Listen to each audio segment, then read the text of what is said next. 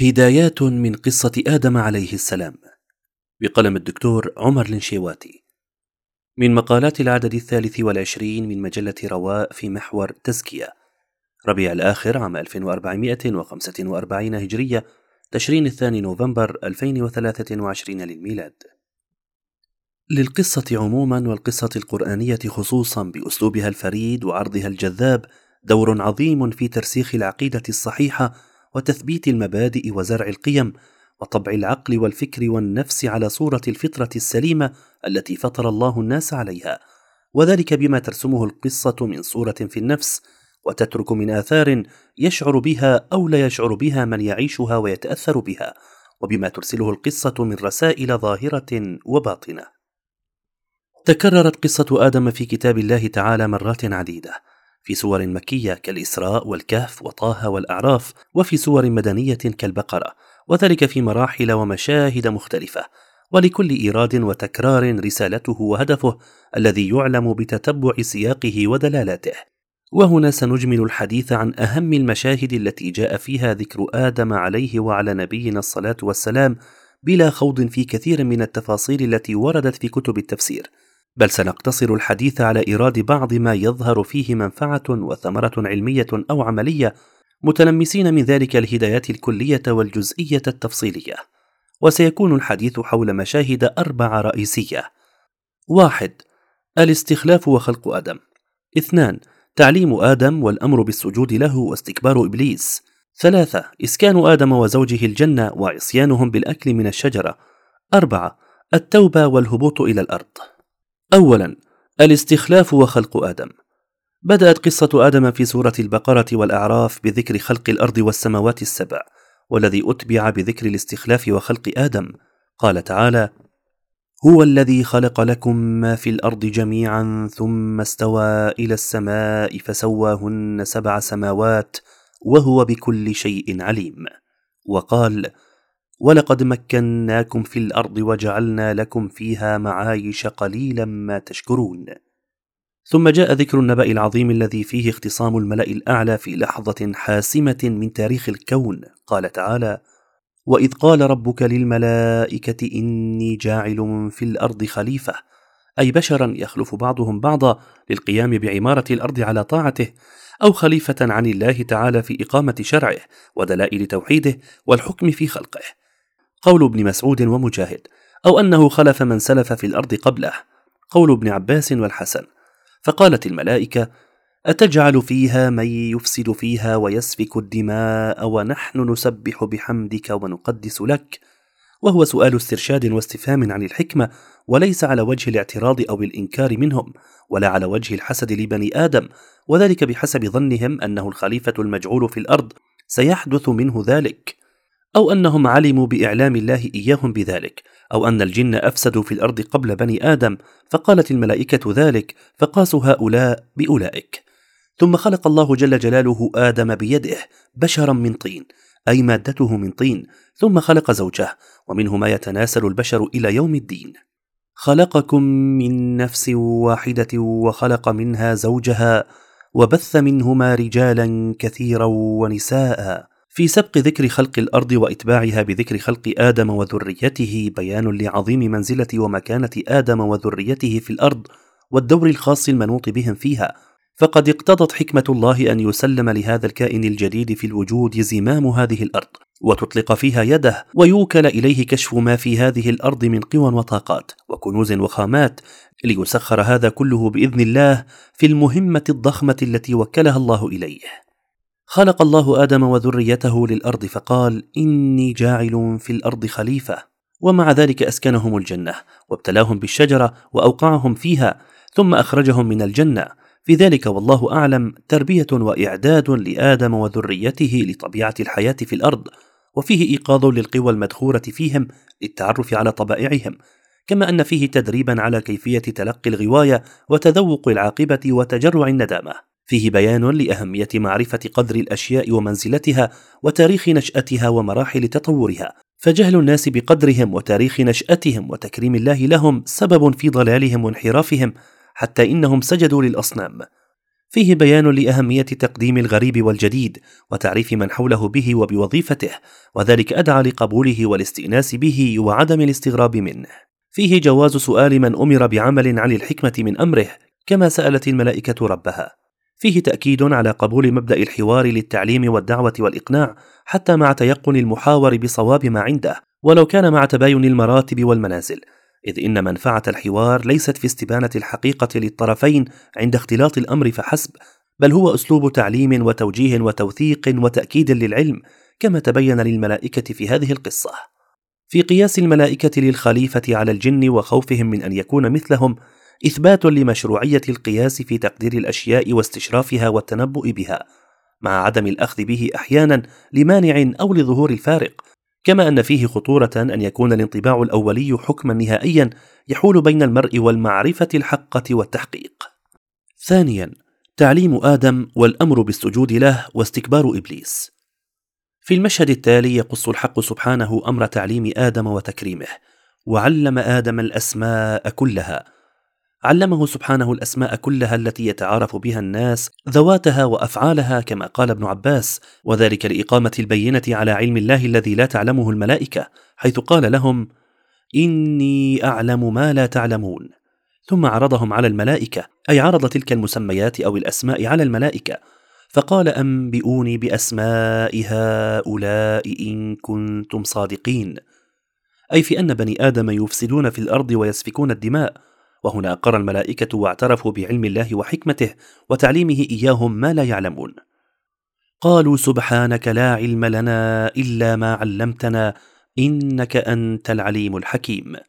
فقال الله يا آدم أنبئهم بأسمائهم فلما أنبأهم بأسمائهم تبين للملائكة فضل آدم عليهم وحكمة الباري وعلمه في استخلاف هذا الخليفة. فلما تم خلق آدم أمر الله الملائكة بالسجود لآدم إكراما له وتعظيما وعبودية لله تعالى فقال فإذا سويته ونفخت فيه من روحي فقعوا له ساجدين.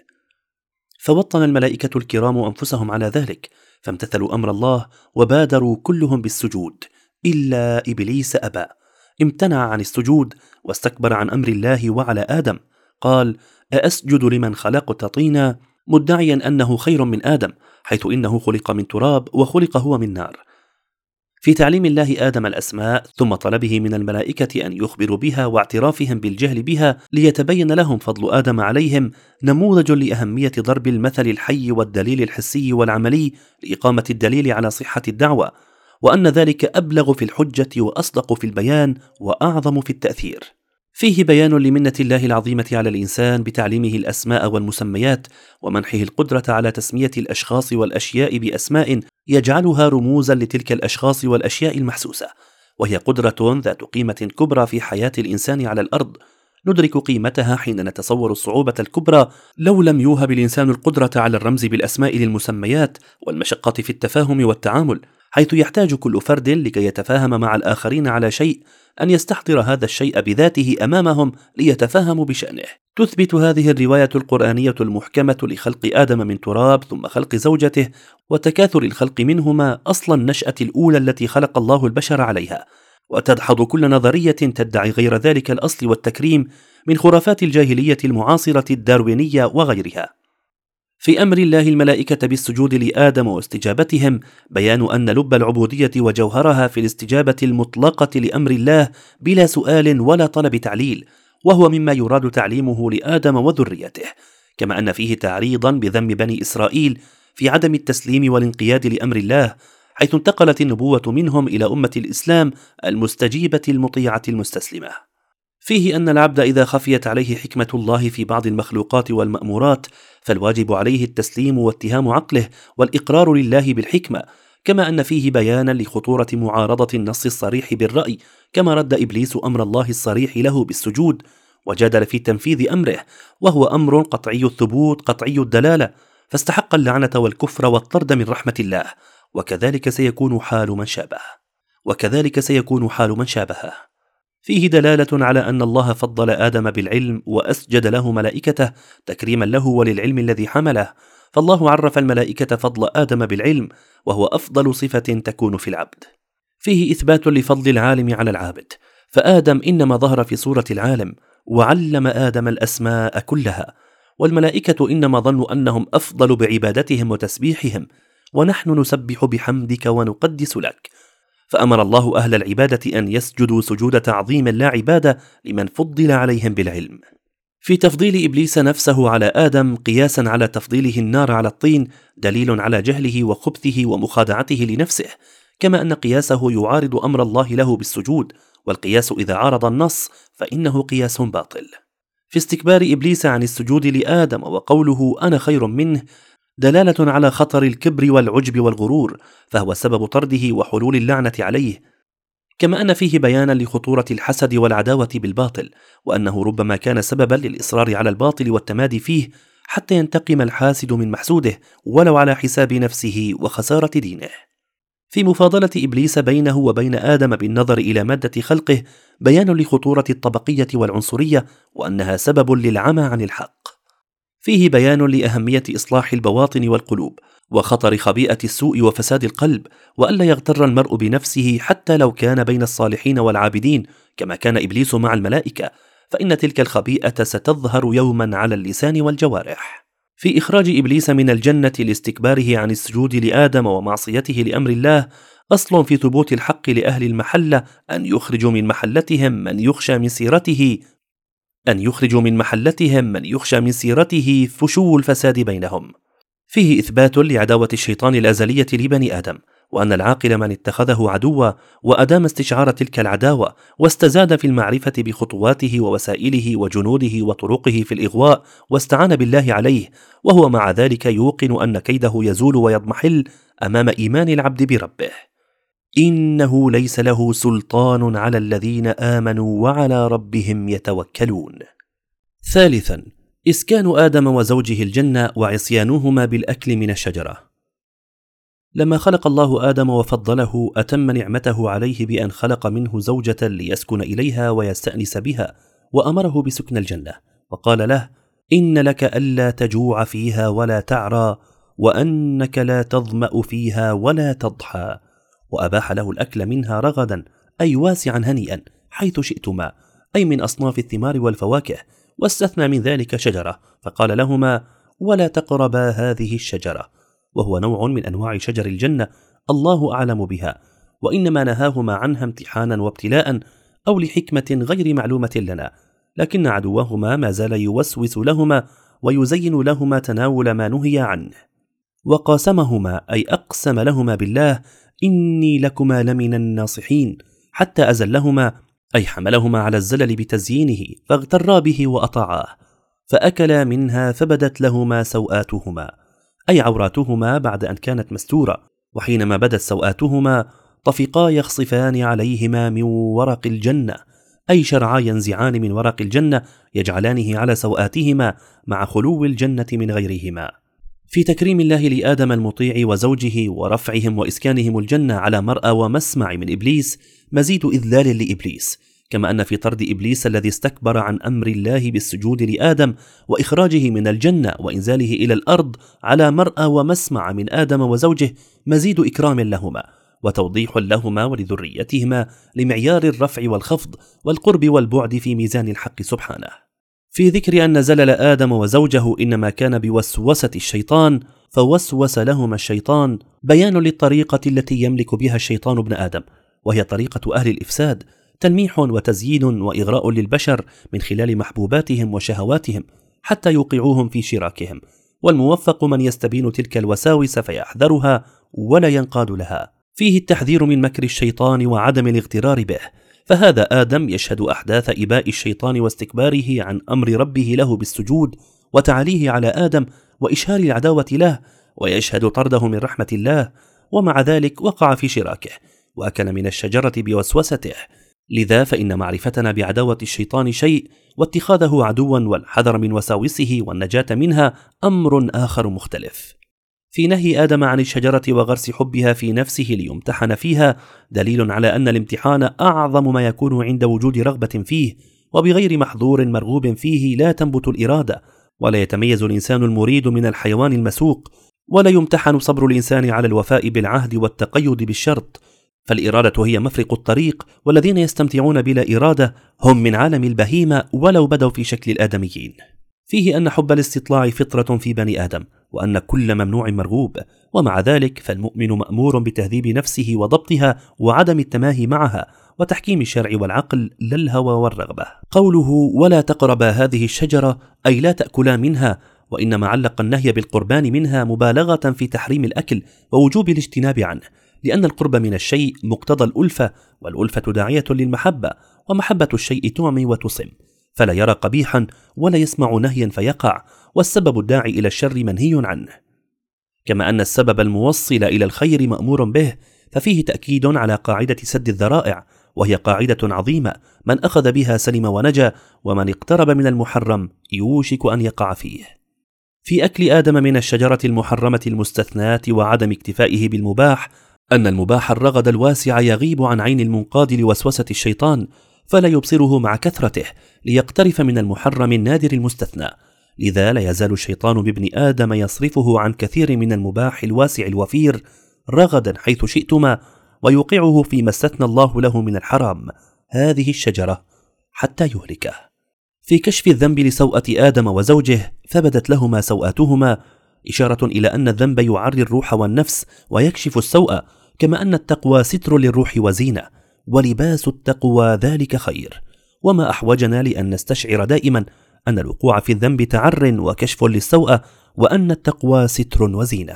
في قوله ليبدي لهما ما وري عنهما أن من أعظم طرق الشيطان في إفساد بني آدم وفطرتهم هو سعيه في نشر التعري ونزع اللباس عنهم كما هو الحال اليوم.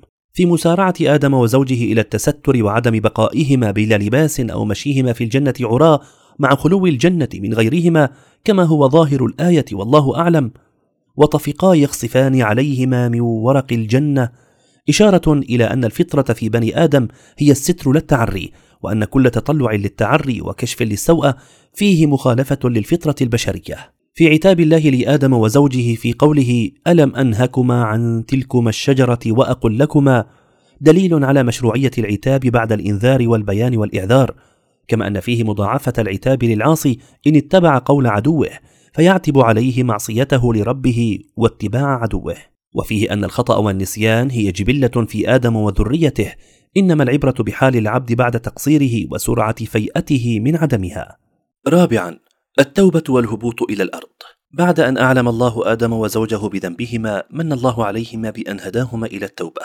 فتلقى آدم من ربه كلمات أي تلقف وتلقن وألهمه الله فما كان منهما إلا أن اعترفا بالذنب فقالا ربنا ظلمنا أنفسنا وإن لم تغفر لنا وترحمنا لنكونن من الخاسرين. فغفر الله لهما ثم اجتباه ربه فتاب عليه وهدى. هذا وإبليس مستمر على طغيانه غير مقلع عن عصيانه. وهنا قال الله لآدم وحواء وإبليس قال اهبطوا بعضكم لبعض عدو ولكم في الأرض مستقر ومتاع إلى حين. اي اهبطوا من الجنة إلى الأرض وسيكون بعضكم عدوا لبعض ولكم في الأرض مستقر أي مسكن وقرار ومتاع إلى حين. انقضاء آجالكم ثم تنتقلون منها للدار التي خلقتم لها وخلقت لكم. في هبوط آدم وزوجه من الجنة بسبب ذنبهم دليل على أن المعصية سبب للهوان والهبوط وأنه ما نزلت عقوبة إلا بذنب يقترفه ابن آدم ولا ترفع إلا بتوبة. في قوله ثم اجتباه ربه فتاب عليه وهدى أن من أشبه آدم بالاعتراف وسؤال المغفرة والندم والإقلاع إذا صدرت منه الذنوب اجتباه ربه وهداه.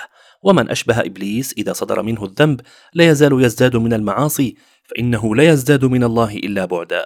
في قوله ومتاع إلى حين وهو انقضاء الآجال أن مدة هذه الحياة مؤقتة عارضة ليست مسكنا حقيقيا وإنما هي معبر يتزود منها لتلك الدار وإنما هي معبر يتزود منها لتلك الدار ولا تعمر للاستقرار. في قولهم ربنا ظلمنا أنفسنا وإن لم تغفر لنا وترحمنا لنكونن من الخاسرين. فيه دليل على اشتراك آدم وحواء في المسؤولية والذنب ومشروعية توبة الرجل مع أهله إذا وقع في الذنب.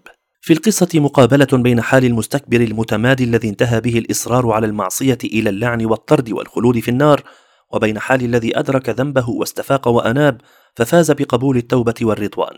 في قوله بعضكم لبعض عدو بيان لأزلية معركة المراغمة والمدافعة بين بني البشر والشياطين وأنها بدأت منذ أهبط آدم وحواء إلى الأرض وستستمر في كل لحظة وإلى قيام الساعة فقد انكشف ميدان المعركة الخالدة بين إبليس وخليفة الخير في الأرض التي ينتصر فيها الخير بمقدار ما يستعصم الإنسان بإرادته وعهده مع ربه وينتصر فيها الشر بمقدار ما يستسلم الإنسان لشهوته ويبعد عن ربه. الهدايات الكلية من القصة. كانت تلك بعض الهدايات الجزئية التي أفادتها قصة آدم نتبعها ببعض الهدايات الكلية إتماما للفائده ففي القصة إثبات وجود الباري سبحانه وسبقه لكل شيء وسعة علمه بما كان وما سيكون وكمال قدرته وحكمته وتمام ملكه لعباده وقهره لهم.